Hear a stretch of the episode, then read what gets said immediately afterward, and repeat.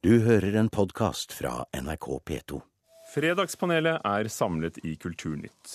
Rampelysredaktør i Vegai, Camilla Bjørn, hei. Hei. Per Egil Hegge, mangeårig redaktør og skribent og korrespondent, velkommen. Takk. Og Ingrid Lorentzen, som vi allerede har hilst på, sjef for Nasjonalballetten, hei. Nyheten om gisseltakingen i Algerie dominerer her på radioen, på TV, i pressen, på nettet. Og som vi hørte i vår første reportasje, og, og som alle sier, er mye av informasjonen vi får, veldig usikker. Stoler dere på norsk presse, radio og TV? Ja eller nei først? Nei. Jo, det gjør jeg. Camilla Bjørn? Eh, ja, men med forbehold. Spesielt i en situasjon som denne. Per Egil Hegge, du er den eneste som, som begynner med et klart ja.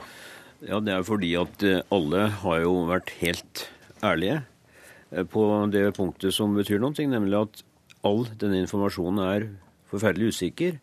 Og da må du, når du formidler den, gjøre oppmerksom på at det er usikkert. Og så lenge du gjør det, så er det greit. Men hvis du begynner å selge dette her som helt sikre ting, så er du ute på uh, ikke bare farlige, men uetiske veier. Men altså, hvis du hørte statsministeren og utenriksministeren i går, som slo an eller førte an, så er det at dette er usikker informasjon. Det er veldig mye vi ikke vet. Så lenge du understreker det hele tiden, uh, som det er det du skal gjøre i en sånn kaotisk situasjon, så er det greit. Ingrid Lorentzen, du har uh fulgt med på et døgn med ekstrasendinger, eh, førstesider, eh, og det, det er jo alvorlige og dramatiske nyheter. Men hvilket inntrykk sitter du med? Jeg må jo bare si at Det er umulig å være uenig med Per Erger Hegge i at så lenge det understrekes at dette er usikker informasjon, så det er også veldig nyttig informasjon. For det er jo nettopp det der floraen av informasjon som kommer ut, som forvirrer veldig mye i sånne alvorlige situasjoner. Så når jeg var litt sånn frampå og sa nei, som jeg understreker, jeg snakker ikke spesifikt om den alvorlige situasjonen som skjer her nå, men spesielt det du leser. Altså hvor mye av det er det gjengitt, sånn som avsenderen ga det. Så jeg var vel nok mye mer generell i mitt svar. Men i denne saken, hvilket inntrykk får du? Altså sånn subjektivt, hvilket behov har du for, for å få informasjon? Jeg tror behovet, er, behovet skapes jo gjennom at det gis mye informasjon. Altså det er det er en alvorlighet som sitter i ryggraden på oss uh, alle sammen. Og det syns jeg på en måte det, det, er jo Selv om man på en måte ikke har noe å fortelle, så har man et umettelig informasjonsbehov, egentlig, så lenge saken er så uavklart som den er. Og Camilla Bjørn, du som er vant til å sitte midt i redaksjonen, hva gjør man når man må fortelle, men ikke har noe nytt å fortelle? For det første, jeg misunner ikke kollegaene mine, som i hvert fall jobber med den sånn eter, helt etermediale delen av den dekningen her, for da koker det som verst. Selv har jeg merket at uh, jeg følger med hvis det skjer noe plutselig stor newsflash-melding, men har satt veldig pris på f.eks. papiravisen, hvor jeg kunne sitte og reflektere eller lese kommentarer, nettopp fordi jeg har så problemer med å skulle ta dette uh, inn over seg når det stadig kommer uavklarte påstander eller eh, liksom tilbakevisninger eh, og motstridende meldinger. Altså Det er et sånn sammensurium. Og jeg kan heller ikke huske sist det over så mange dager var så mye uklart og uavklart, også fra på en måte UD-hold eller statsministeren vår. Så det er en veldig spesiell situasjon som er uhyre komplisert for eh, journalister å angripe. Det spørs om ikke Kumbel har sagt det best, det kan vi huske på. At, vi, at vite at man intet vet, er dog en slags allvitenhet. Og det er veldig lite vi vet, så da får man referere for lyden og så gjøre oppmerksom på hvor usikkert det er. Men pøser vi på for mye? Vi hørte Camilla nærmest foretrekke papiravisen, og mye har jo skjedd uh, siden, uh, siden tilsvarende ting skjedde og vi bare hadde papiraviser. Ja, altså vi, Dette med eh, etermediene og den stadige strømmen har ikke helt gått seg til. og Det så vi kanskje best og, og sist under massakren i Newtown, hvor det var et takras av feilmeldinger. Fordi eh, tidspresset er noe som journalister er vant til å håndtere, men ikke så skarpt, og ikke i så skjerpede situasjoner som dette her. Så da blir det litt for mye. Men det kommer til å gå seg til. Og jeg begynner jo å skjønne at man må skru av noen uh, halvtimer, og så høre igjen om det har skjedd noe nytt, i stedet for å la det gå hele tiden. Så det er leserne som må skru av nå? Da er det leserne som må skru av. Vi skal skifte tema. Lise Fjelstad, skuespiller er forferdet over at hennes eget Nationaltheatret pønsker på å la utvalgte, riktignok, bloggere og tvitrere få holde på på en egen losje under forestillingen. er det en vits? Nei. Dette er altså noe man vurderer. Det synes jeg er en fallitterklæring. Man må kunne sette av to timer til å gå i teater hvis det er det man vil. Og hvis ikke er, eh, man har tid til det, så får man heller være hjemme da. Og øh, leke seg med sine digitale duppeditter. Er det riktig å la bloggerne og tvitrerne få innpass på teatret under forestilling? Camilla? Eh, I en losje hvor det ikke, skjer, eller ikke sjenerer noen, ja. Per Egil? Nei, det syns jeg ikke. Få høre med ballettsjefen, som også blir en slags teatersjef. Nei, for vi har så korte akta nede hos oss, så de kan få tvitre i pausen. Men det har vært prøvd. Det har vært prøvd i USA, både nettopp under dans og, og, og særlig opera, og noen teatre i New York gir de bakerste radene. Um, er handler det ikke om å nå ut? For det er det teatret sier, at de pønsker på dette fordi de vil uh, nå ut, og særlig til yngre. Det som jeg tror er helt riktig, er jo at hvis vi prøver oss med, måte, med regelverk, enten det gjelder sosiale medier og det som legges ut altså Sånn som genteknologien, vi alltid være på etterskudd med lovverket. på en måte, Så det er veldig lurt, tror jeg, på en måte å åpne opp. Jeg syns det er én hovedregel som er så lenge det ikke er til sjenanse for andre. Altså Det er det viktigste, syns jeg. Så det, kan folk på en måte få det samme som å knitre med godteripapir. Det. Så de lysende skjermene er et veldig problem. Så jeg vil fortsatt foretrekke pausen. Jeg var på teater i New York for snart to år siden, og det var en litt krevende forestilling. Et stykke av Tom Stoppard, og jeg satt på fjerde benk, og foran meg satt det tre stykker og sendte SMS på mobiltelefon. Eh, og det lyste hele tiden. Det, det var så forstyrrende. Jeg tenkte hvorfor i all verden har disse folkene Nå var jo dette på Manhattan, så det er jo folk som har råd til å betale billetten. Men hvorfor bruker de penger på, på teater når de skal sitte og sende SMS? Det, det er jo som Lise Fjelstad sier, det er noen ting man gjør hjemme. Og så det var jo også snakk i denne debatten om at liksom, for å gjøre hverdagen lettere for dem som er på i de sosiale medier Ja, men å gå i teater er ikke hverdag. Å jo da. for dere som jobber der, ja, Men, men ikke, ikke for kan oss. det bli hverdag for flere, ikke sant? Ja. Og Det er vel egentlig grunntanken her for Nationaltheatret, å modernisere og skru en sånn fantastisk kreativ kulturinstitusjon litt mer eh, fremoverrettet. Og så eh, tenker jeg jo at slik jeg forstår det, så er kun dette et testprosjekt hvor de eh, ser på dette som en av mange muligheter til å liksom eh, bli litt mer eh, moderne. Og jeg tror at som eh, Ingrid sier, så lenge ikke det er sjenerende og, og dette handler nettopp ikke om det der mobilforbudet, fordi slik jeg forstår, så skal det fortsatt vedvare.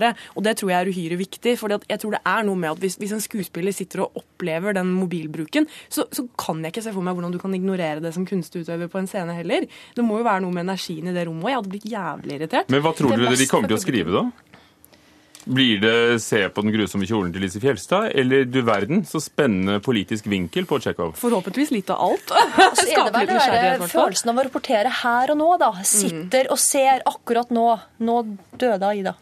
Jo, så er det noe med, jeg, jeg, jeg følger eh, operaen på eh, sos, eller, sosiale, medier, og jeg elsker det å få et inntrykk eller et innblikk av en personlighet til en institusjon.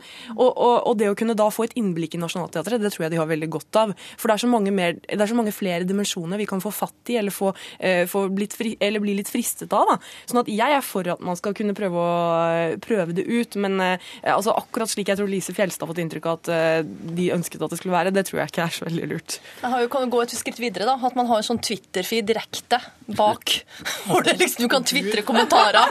Og da kan kunstnerne ikke se, men alle andre se hva som egentlig menes. Ser veldig skeptisk ut. Ja, Altså. for, for, for meg er det altfor mange dimensjoner som blir borte, i, i stedet for at det blir nye som blir tilført når man skal holde på med sånt. Altså, Snørr for seg og barter for seg er en, det er en god leve, leveregel. Øh, Men, men tror du at disse engasjerte menneskene tror du at de vil komme til å, til å gjøre det, eller, eller, eller vil det, er det en sånn håp fra teaterets side at, det sitter noen veldig intellektuelle teaterinteresserte mennesker som har lyst til å rapportere nærmest direkte? Altså, jeg får inntrykk av at liksom, det sitter en halv skravleklasse som bare hører på P2 for å kunne tvitre om det kontinuerlig. Så jeg, altså, det kommer garantert til å være masse folk å ta av. Spør spørsmålet blir er det, er det interessante nok mennesker. For veldig mange mener jo og synser veldig mye likt. Det må være en spennende samtale. Og gidder noen å lese det, ja. Jo, det lurer jo jeg på. Jeg ser jo noen av disse Twitter-meldingene. Er det noen som gidder å lese dette? I, I dag var jeg på teater. Hvis jeg sender ut en sånn Twitter, hvem, hvem ville gidde å lese det? Hvorfor skulle de det? det, så Da det, jeg det det sagt Per Egil, hvor var du i kveld, da? Så har vi hatt en samtale gående. I min alder så er ikke det så veldig spennende heller. Dere, det er et nytt fenomen som er eh, kommet over oss igjen, og sånn eh, låter det.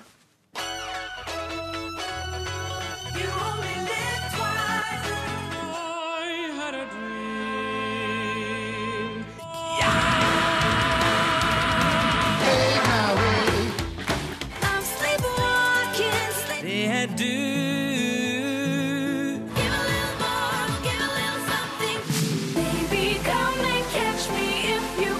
Vi ses i Steinkjer. Ha det godt! Og Steinkjer det er i morgen den første av disse nasjonale delfinalene i landeplagen Melodi Grand Prix. Eh, løfter Melodifestivalen frem det beste av norsk populærmusikk til glede for et begeistret folk, Ingrid? Nå ble jeg Takk, det holder. Det holder. Per Egil? Nei. Camilla. Nei, men nå skjønner jeg plutselig hvorfor jeg er her i dag. Vi synes at, eh, at lederen for VGs rampelysredaksjon eh, burde ha noe å bidra med her. For dette er jo gefundenes fressen for dere. Å ja, herregud. Vet du hva? Grand Prix er et fantastisk show, eh, og det elsker vi i VG. Og, og, folk flest elsker det, både på godt og vondt. ikke sant? Og Vi irriterer oss over det, og det er show.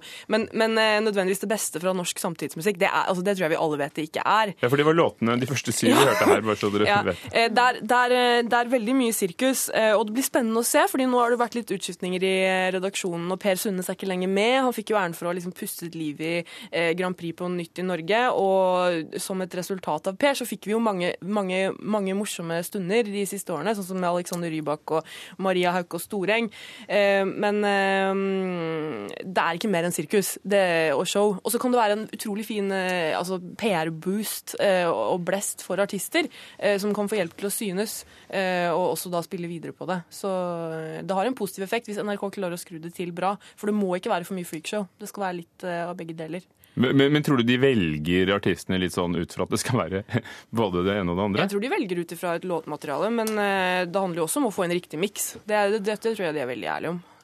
Per Egil Hegge, har du, Jeg du er klar over fenomenet? Ja, jeg har til og, jeg har til og, jeg har til og, med, til, til og med en historie fra steinalderen. Da, da La det svinge, la det rock'n'roll. eh, Da var, den vant, og det var jo ikke bare i Norge Grand Prix, det var i, altså virkelig på topp. Så da var Lars var Langslitt, som eh, har omtrent samme kjølige forhold til Grand Prix som jeg har, han var kulturminister, så han ble oppringt. Eh, og han hadde hatt et døgn til å tenke på, for det var ikke søndagsaviser den gangen.